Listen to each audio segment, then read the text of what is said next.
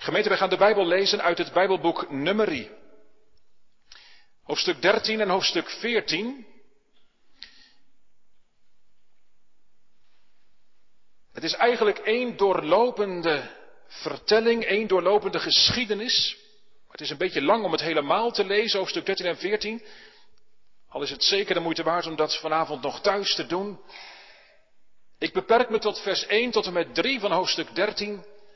En vervolgens lezen we verder in vers 25 tot en met hoofdstuk 14, vers 25. Nummerie 13, eerst vers 1 tot en met 3. En voor degenen die de liturgie, gedrukte liturgie in de handen hebben, en ik moet het ook voor u als u thuis meeleest in uw Bijbel of misschien het wel gedownload hebt vanaf de website. Een paar versen heb ik vet gedrukt. Vers 30 van hoofdstuk 13 en vers 6 tot 9 van hoofdstuk 14. En ook vers 24, de kerntekst van hoofdstuk 14. Omdat daar het een en ander geschreven wordt over Caleb. We lezen het woord van God, nummer 13, vers 1 tot en met 3. De Heere sprak tot Mozes.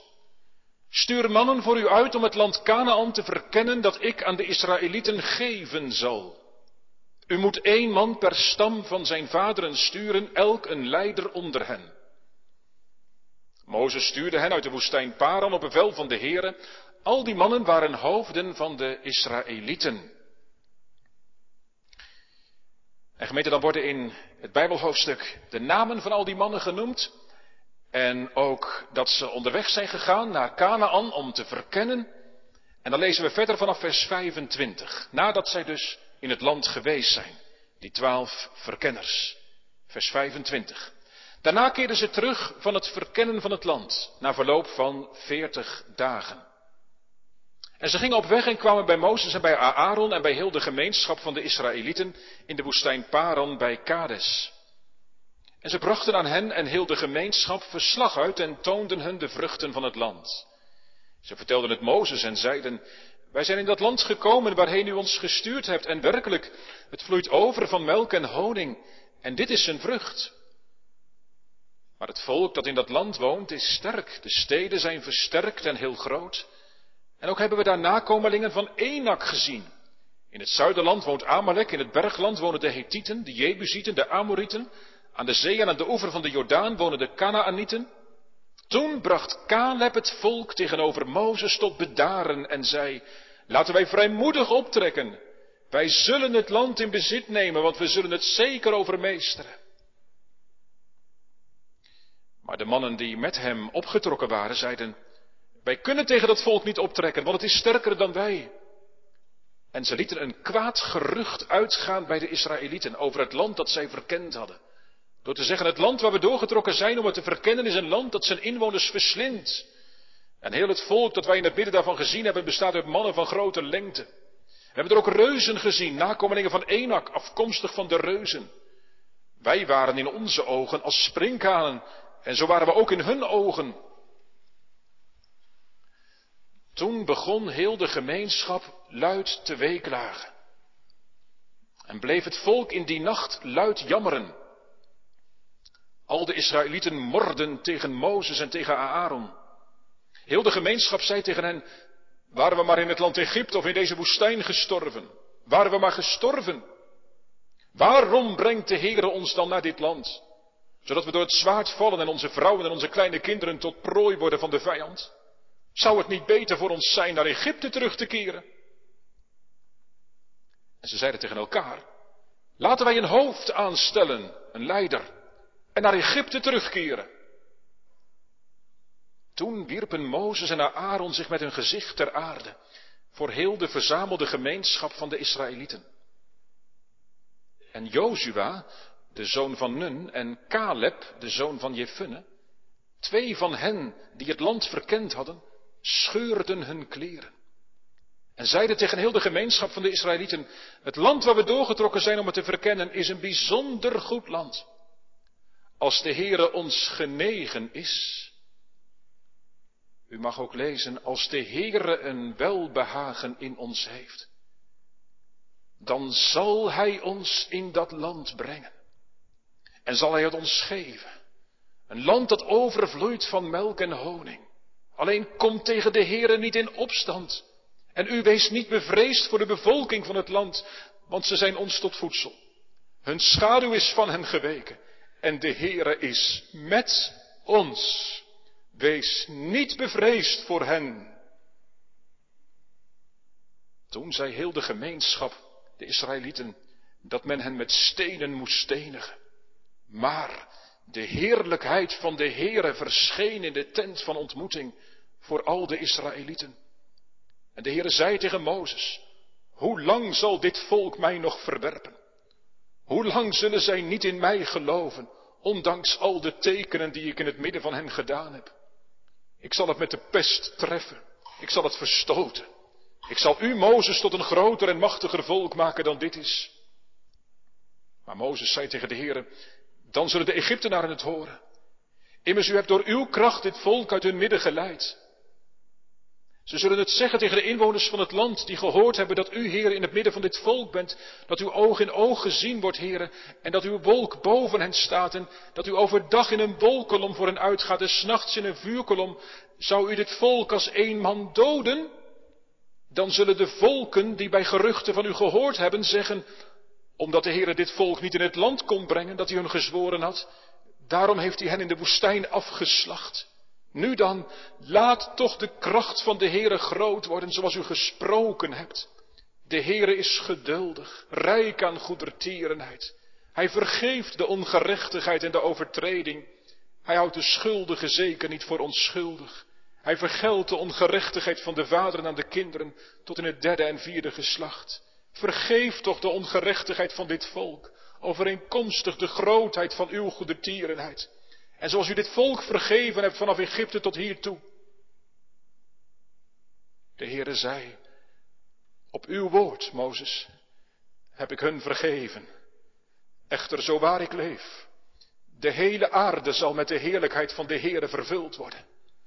Want al de mannen die mijn heerlijkheid gezien hebben en mijn tekenen die ik in Egypte en in de woestijn gedaan heb, en die mij nu al tien keer op de proef gesteld hebben, en niet naar mijn stem hebben geluisterd. Zij zullen het land dat ik hun vaderen gezworen heb, niet zien. Ja, geen van allen die mij verworpen hebben, zullen het zien. Maar mijn dienaar Caleb, omdat in hem een andere geest was, en hij erin volhard heeft mij na te volgen, hem zal ik brengen in het land waar hij geweest is. En zijn nageslacht zal het in bezit nemen. De Amalekieten en de Kanaanieten wonen in het dal. Keer morgen om en trek verder de woestijn in, in de richting van de Schelfzee. Gemeente, tot zover de lezing van de schriften en laat ik u toelichten, vers 25, in de richting van de Schelfzee, dat is terug. Terug naar Egypte. Dus de Heere zegt, dan gaan jullie nu maar terug. En het zal veertig jaar duren voordat ik toch jullie nageslacht in Canaan breng. Maar dan alleen degenen van twintig jaar en jonger. Ik zal mijn waarheid nimmer krenken, maar eeuwig aan mijn verbond gedenken. Maar wie weigert mij te vertrouwen en mij te volgen, die komt om.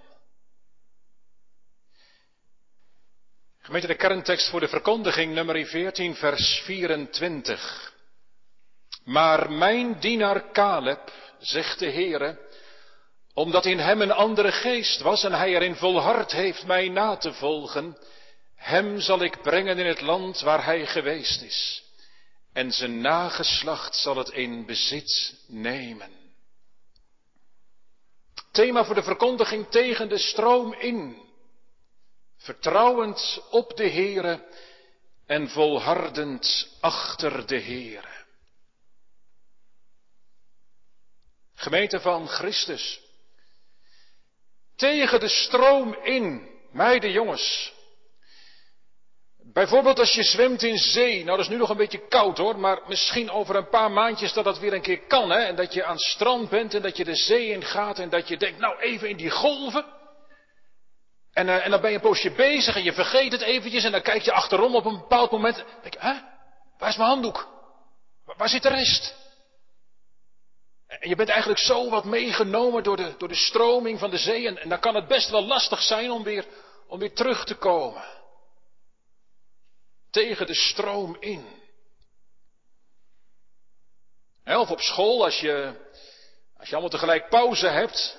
En jij liep vooraan, maar je bent net buiten en je denkt, oh ik ben wat vergeten en je wil weer terug. Nou, dat valt niet mee. Als al die andere klassen op dat moment net ook pauze hebben. En, en jij wilt tegen de stroom in weer naar binnen. Dat is lastig. Tegen de stroom in. Hey, vanmorgen, hier in de kerk, misschien heb je het wel gezien. En, ook afgelopen maandag was er openbare geloofsbeleidenis. En um, dan wordt er wel eens gezegd, welkom in de strijd. Dat klinkt voor jou misschien wel een beetje vreemd. Dat je denkt, gaan die, gaan die personen die beleidenis doen, gaan die, gaan die vechten? Welkom in het gevecht, in de strijd. Nou ja, als je beleidenis doet, kies je er in ieder geval voor om, om tegen de stroom in te gaan. En, en dat is niet de makkelijkste weg. Kijk, het makkelijkste is natuurlijk om met de stroom mee te gaan. Toch? Doen wat iedereen doet. Je laten meevoeren op, op wat men normaal vindt. Op wat goed voelt, op wat vanzelf wel een beetje zo gaat.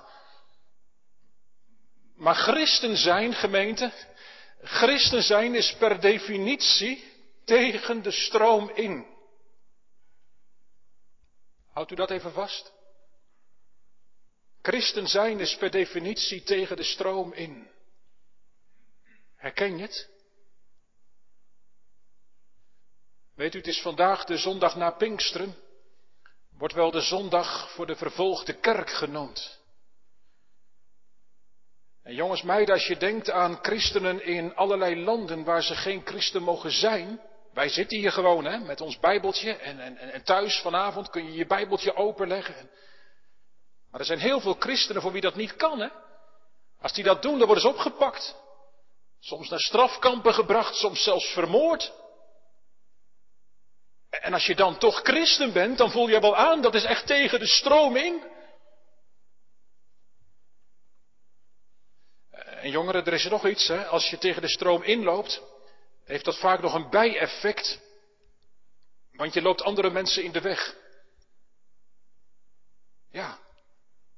Dat kun je wel voorstellen, als je tegen de stroom ingaat, dan zet je andere mensen aan het denken. Ze vragen zich af waarom jij anders bent dan hen.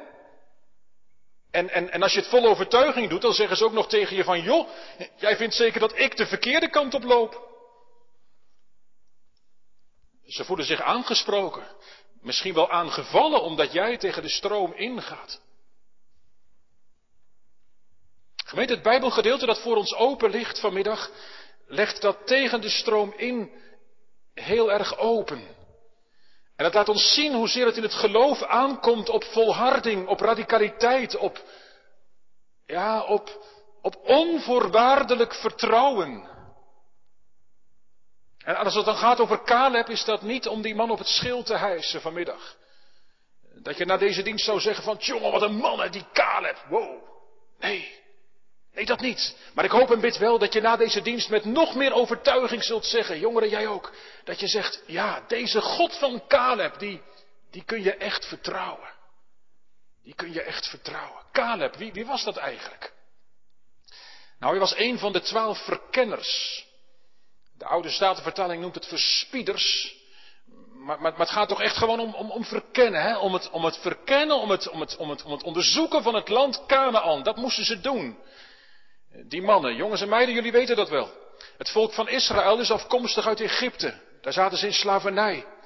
En, en, en die plagen hebben plaatsgevonden, weet je wel. En toen uiteindelijk zijn ze weggegaan uit Egypte en moesten ze de, de, de Rode Zee moesten ze door. En het ging allemaal goed, hè.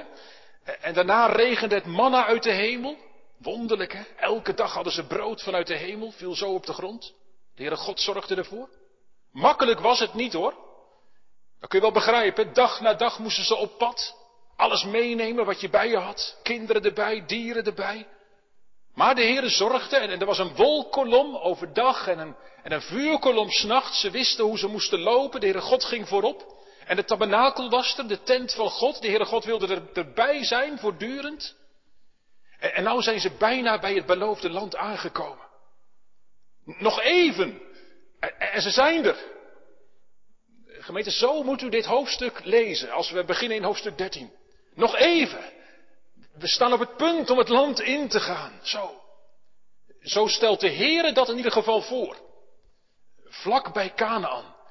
Als u kijkt in het begin van hoofdstuk 13, we hebben dat samen gelezen, dan, dan heeft de Heer het over het land Canaan en dan zegt hij dat ik aan de Israëlieten geven zal. Dus de Heere God zegt niet van oei, nou zijn we er bijna, dan moeten we eens gaan kijken wat we gaan doen. Nee, ik ga dit land aan de Israëlieten geven. Zo.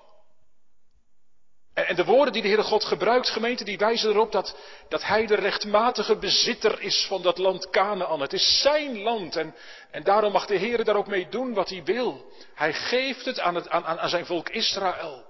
Later staat er nog een keertje in deze hoofdstukken dat ze het land beërven. ze mogen het als een erfenis uit de hand van God ontvangen. Zo, zo moet u het horen.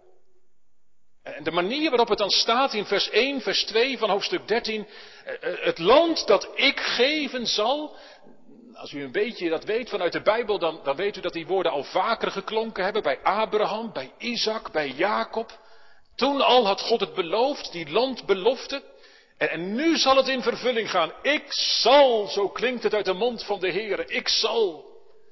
Dus die Israëlieten die hoeven niet zelf de wapens te pakken. Die hoeven niet zelf het gevecht te gaan voeren. Nee, de Heere die trouw is aan zijn beloften, hij zal het hun geven. Zo staat het er, vers 2, 1, 3. Gemeente, dat is het woord. Dat is de belofte van de Heere. Ik zal geven. Maar wat gebeurt? Nou jongens, meiden, die verkenners komen terug. Ze zijn veertig dagen op pad geweest, staat in vers 25. Het getal veertig, dat wijst doorgaans op een op een crisis. Ook hier. De mannen brengen verslag uit bij Mozes en Aaron. En, en bij al de Israëlieten, zo staat erbij in vers 26. Ja, die mannen zijn vol lof over wat ze gezien hebben. Er was niks te veel gezegd. Het is een prachtig land en, en er is meer dan genoeg eten en drinken. ze hebben een enorme tros druiven meegenomen en die laten ze zien. Moet je eens kijken wat, wat er groeit daar in Canaan. Maar dan gemeente, dan, dan wordt hun toon anders vanaf vers 28. Als die mannen aan het vertellen zijn, dan zeggen ze in vers 28, maar het volk dat in dat land woont, is sterk. En de steden zijn versterkt en heel groot. En we hebben daar ook nakomelingen van Enak gezien. Enak. En als je nog even verder leest, gemeente, in dit hoofdstuk, dan zeggen ze zelfs op een zeker moment, ze zeggen, ja, die mensen die keken naar ons alsof wij sprinkhanen waren. Zo keken ze naar ons. En zo voelden we ons ook. Maar ja, dat is wel een duidelijk beeld, hè? Alsof we sprinkhaantjes waren tegenover die, die reuzen die daar woonden. Gemeente, ik kan dat niet helemaal met details uitdiepen, maar als je deze woorden wat analyseert, hoe die mannen hier vertellen in dit hoofdstuk, dan is overduidelijk dat ze aan het overdrijven zijn. En niet zo'n klein beetje ook. De manier waarop deze verkenners hun, bevindingen bekendmaken, blijkt ingegeven door een poging om de publieke opinie te beïnvloeden. Heel bewust leggen ze de nadruk op de moeilijkheden. Ze, ze maken de situatie veel donkerder dan dat die in werkelijkheid is. Gemeente, dat is heftig, want deze mannen zijn door God geroepen, uitgekozen.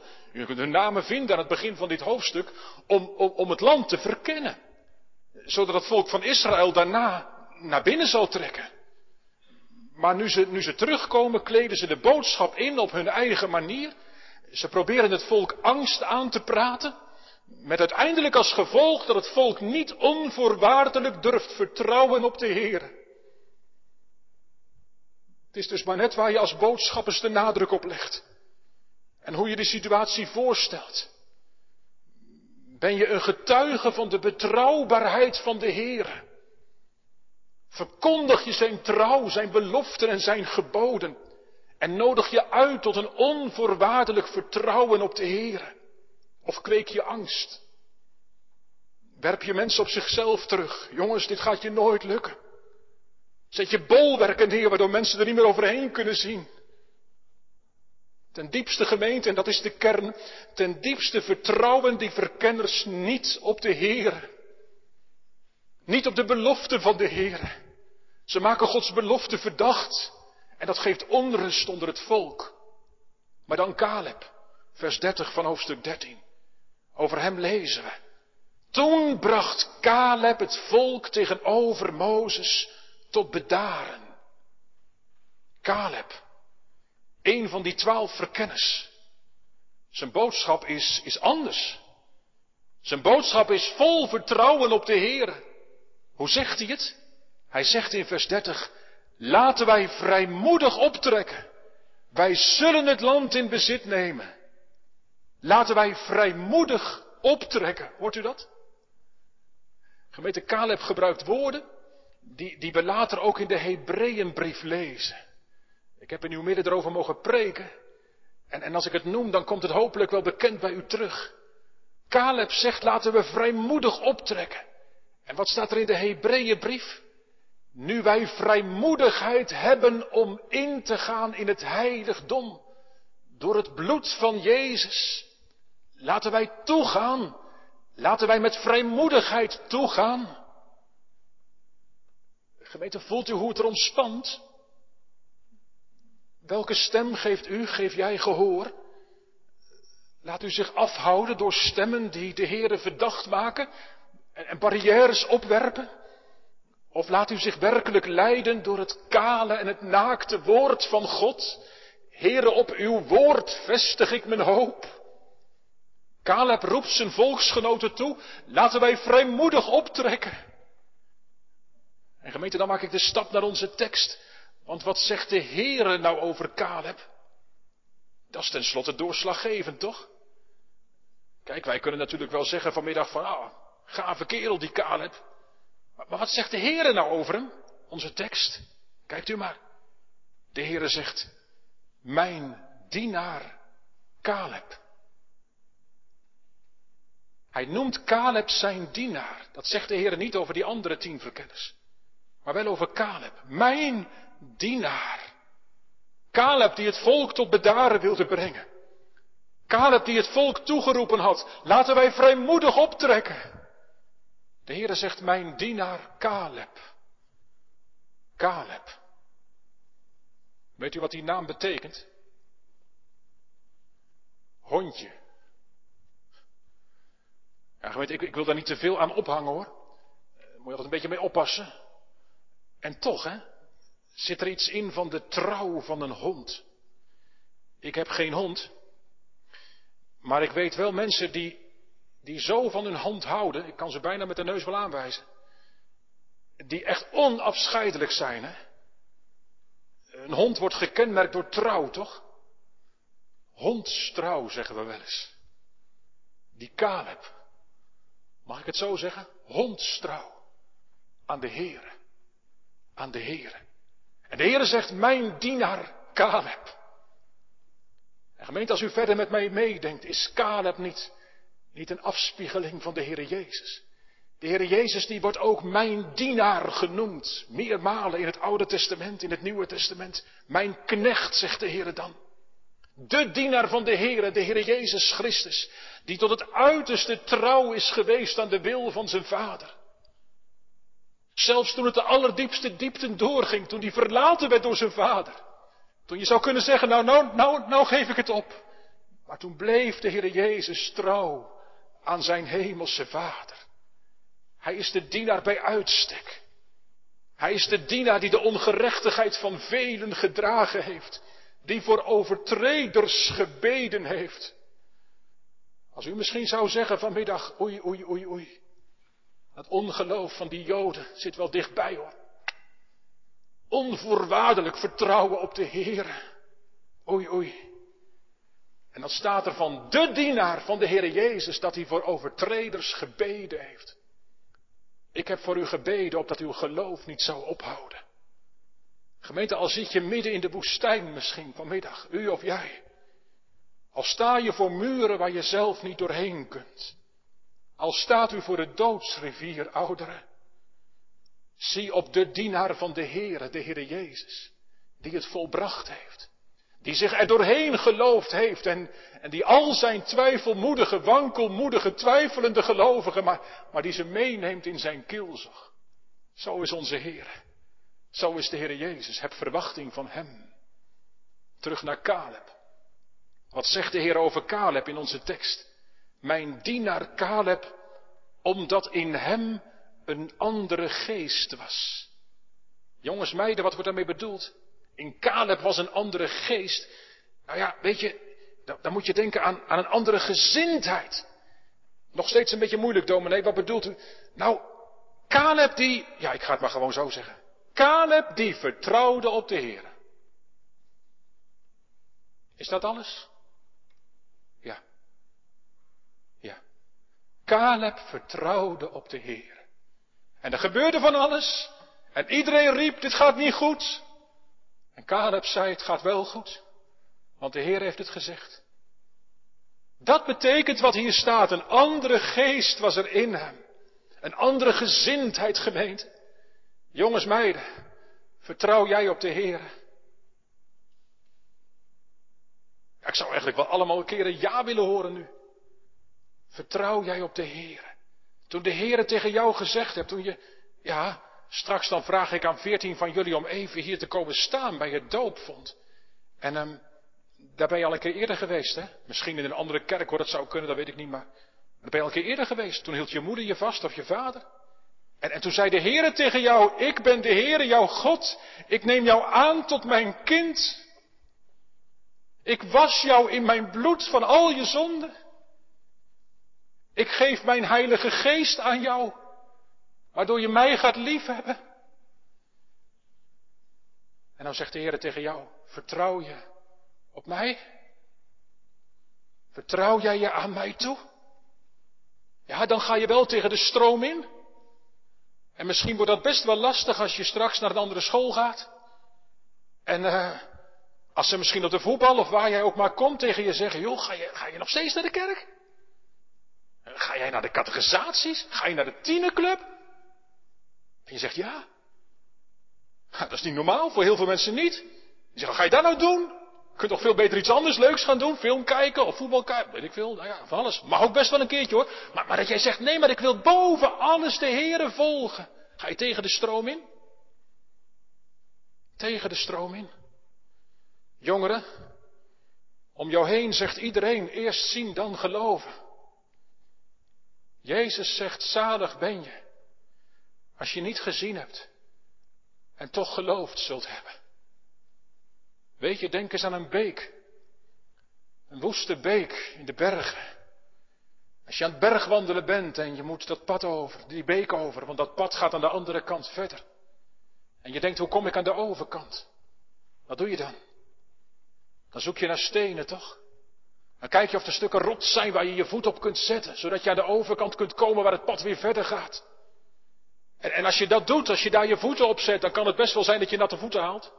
Maar dan kom je wel aan de overkant. Misschien glij je nog een keer een beetje weg, maar als je die stenen vasthoudt, die rotsen, dan kom je er. Ja toch? En weet je, zo is het nou ook met de beloften van de Heer. Met woorden uit de Bijbel. Als je soms in het leven niet meer weet hoe je verder moet. En dat je dan die Bijbel pakt. En als je dan leest dat de Heer zegt, ik zal. En dat je daar dan je voet op zet.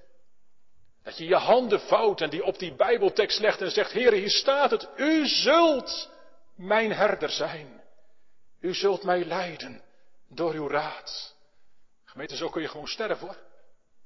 Zo kun je sterven. Omdat je weet, hij laat niet los wat zijn hand begon. Die andere geest waar het hier over gaat, gemeente. Ja, dan mag je die geest ook wel met een hoofdletter lezen. Dat is de Heilige Geest. Door de Heilige Geest dat Caleb zich toevertrouwt aan de Heer en aan zijn belofte. Door de Heilige Geest die het geloof schenkt om op de Heer Jezus te zien. In wie al Gods beloften ja en amen zijn. Tegen de stroom in, vertrouwend op de Heer. Maar ook volhardend achter de Heer. Want er staat nog iets bij in de tekst. En hij erin volhard heeft mij na te volgen. En gemeente, dan kijk ik nog even met u in het hoofdstuk hiervoor hoe dat dan ging. Wat gebeurde er daar bij Caleb? Nou ja, toen hij in vers 30 probeerde om dat volk tot bedaren te brengen, hè, dat stond er. En toen hij zei, laten we vrijmoedig optrekken. En toen? Ah, daar kwam wat tegenop. Die andere verkenners gingen er radicaal tegenin. Ze zeggen zelfs in vers 32, vers 31, 32, wij kunnen niet optrekken. En dan staat de gemeente, en dat is toch wel duidelijk, hè? Ze lieten een kwaad gerucht uitgaan bij de Israëlieten. Daar heb je het. Ze stellen de situatie zo voor dat het de Israëliet aan het wankelen brengt. Ze doen aan stemmingmakerij. En gemeente, dan kan ik niet elke tekst langslopen vanmiddag, dat hoeft ook niet. Maar het gevolg is dat het volk aan het mopperen slaat. En niet zo'n klein beetje ook. Er staat eigenlijk een grondwoord dat betekent in opstand komen. Rebellie. En als Mozes en Aaron die vuisten van die Israëlieten zien, dan vallen ze op hun knieën. Dat is ook wel een les hoor. Dan vallen ze op hun knieën. Ze gaan niet vechten, Mozes en Aaron. Ze vallen op hun knieën. En dan Jozua en Caleb. Gemeente, ik zit inmiddels bij vers 6 tot 9, dat dik gedrukt in de liturgie. Jozua en Caleb. Opeens wordt Jozua ook genoemd. Nee, dat is voor het eerst. Althans hier. Eerst was het alleen Caleb en nou ook Jozua. Gemeente, ik stel het me zo voor dat er tien verkenners waren. Die, die zeiden, jongens, we kunnen niet verder. En Caleb stond aan de andere kant en die zei, we moeten wel verder, laten we vrijmoedig optrekken. En Jozua heeft het gehoord. En die heeft misschien wel geworsteld en getwijfeld. Maar die werd, die meegenomen. Door diezelfde Heilige Geest. En die ging met Caleb staan. En, en kijk eens wat ze dan doen, gemeente. Ze scheuren hun kleren, staat er in vers 6. Een teken van rouw. Een teken van schrik en van ontzetting. En, en dan spreken ze samen het volk toe, Jozua en Caleb. Ze hebben het in vers 7 over een bijzonder goed land. Maar dan in vers 8.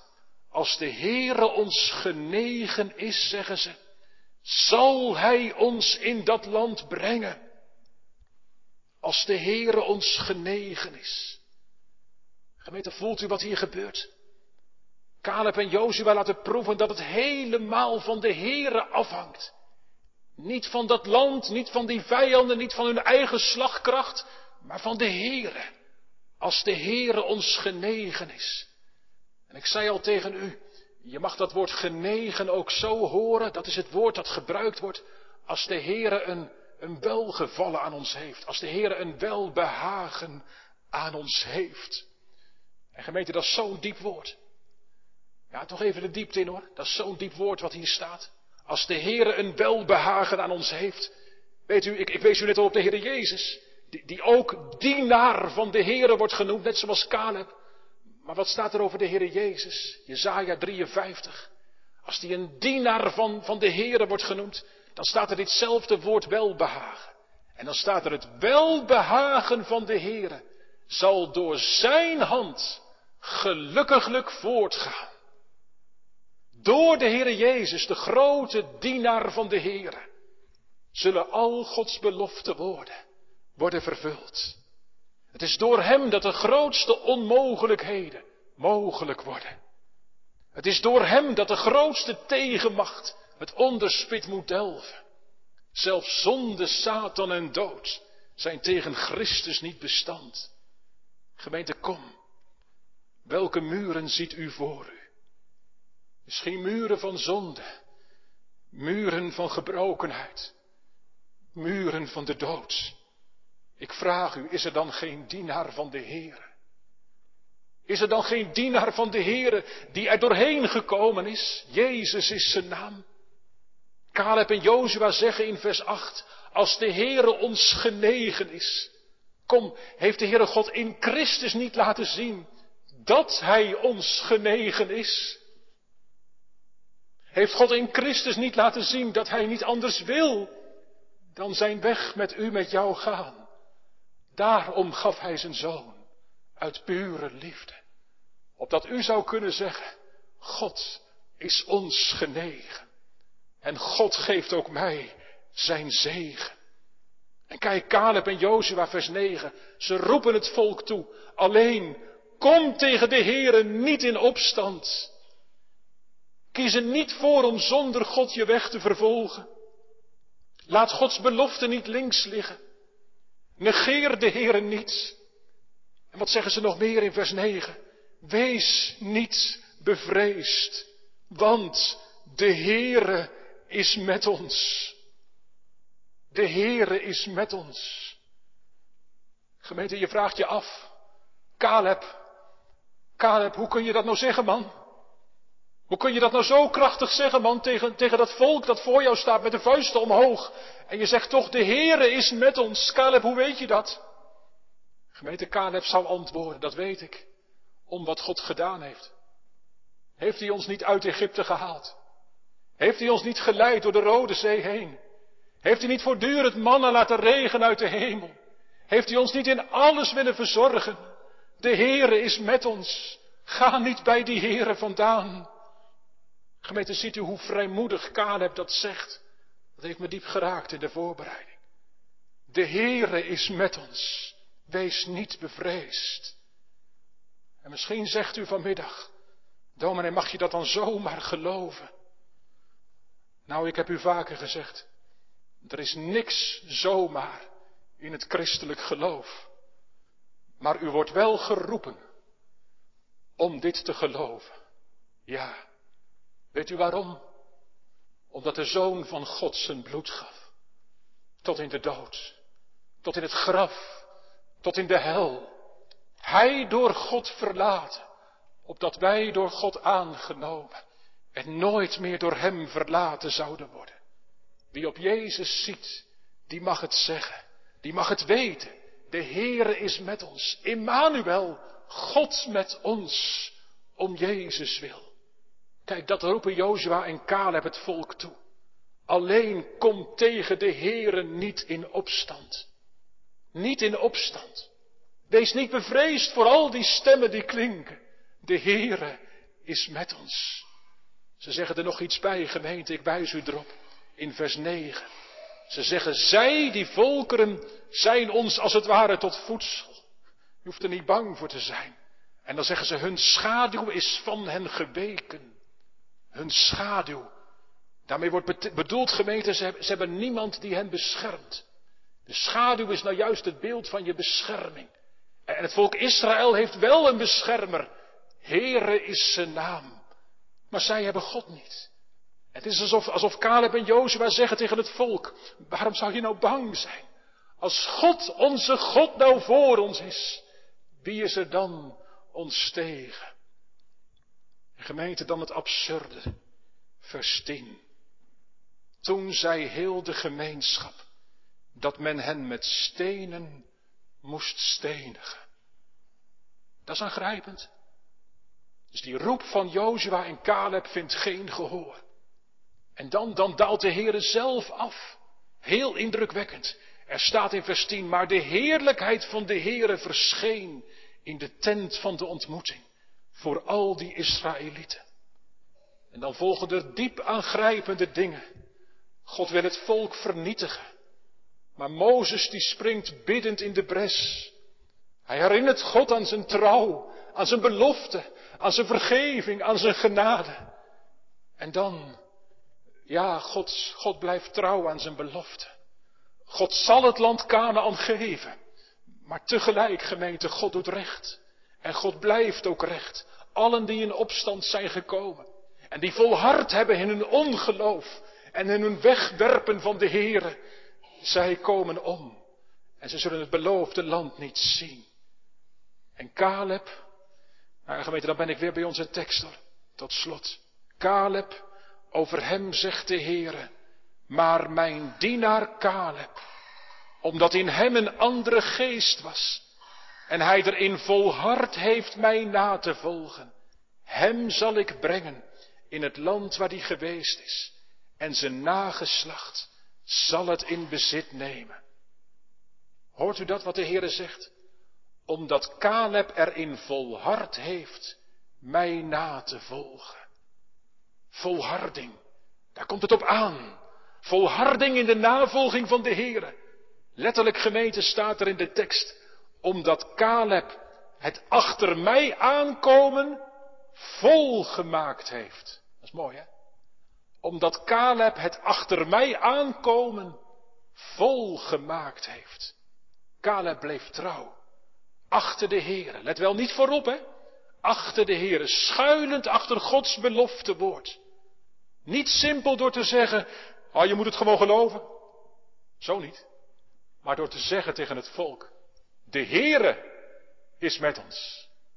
Altijd gericht op de Heere, op zijn trouw en zijn betrouwbaarheid, onder alle omstandigheden.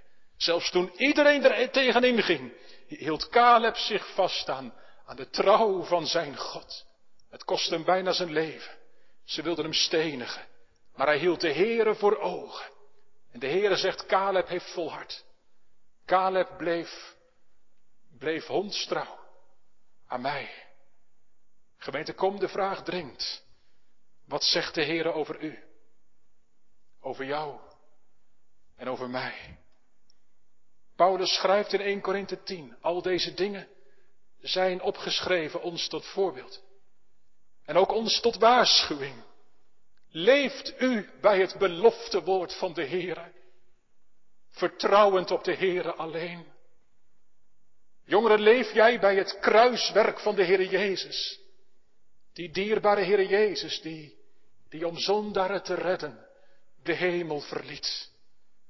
Leeft u ouderen volhardend, gehoorzamend, achter de Heere aan. Ja, dat gaat tegen de stroom in. Maar wat ben je gezekerd? Nu al, omdat de Heere met je is. En straks ook, je toekomst is zeker. Is eindeloos goed. Gemeente, ik zeg het Caleb na vanmiddag. Laten wij vrijmoedig optrekken. Als de Heere ons genegen is. En als u op Jezus ziet vanmiddag, dan is dat geen vraag. Dan is de Heere u genegen. Laten wij vrijmoedig optrekken. Hij zal ons brengen in het hemelse vaderland. Kom, wees niet bevreesd. De Heere, de Heere is met ons, om Jezus wil. En wie volharden zal tot het einde, die zal zalig worden. Amen.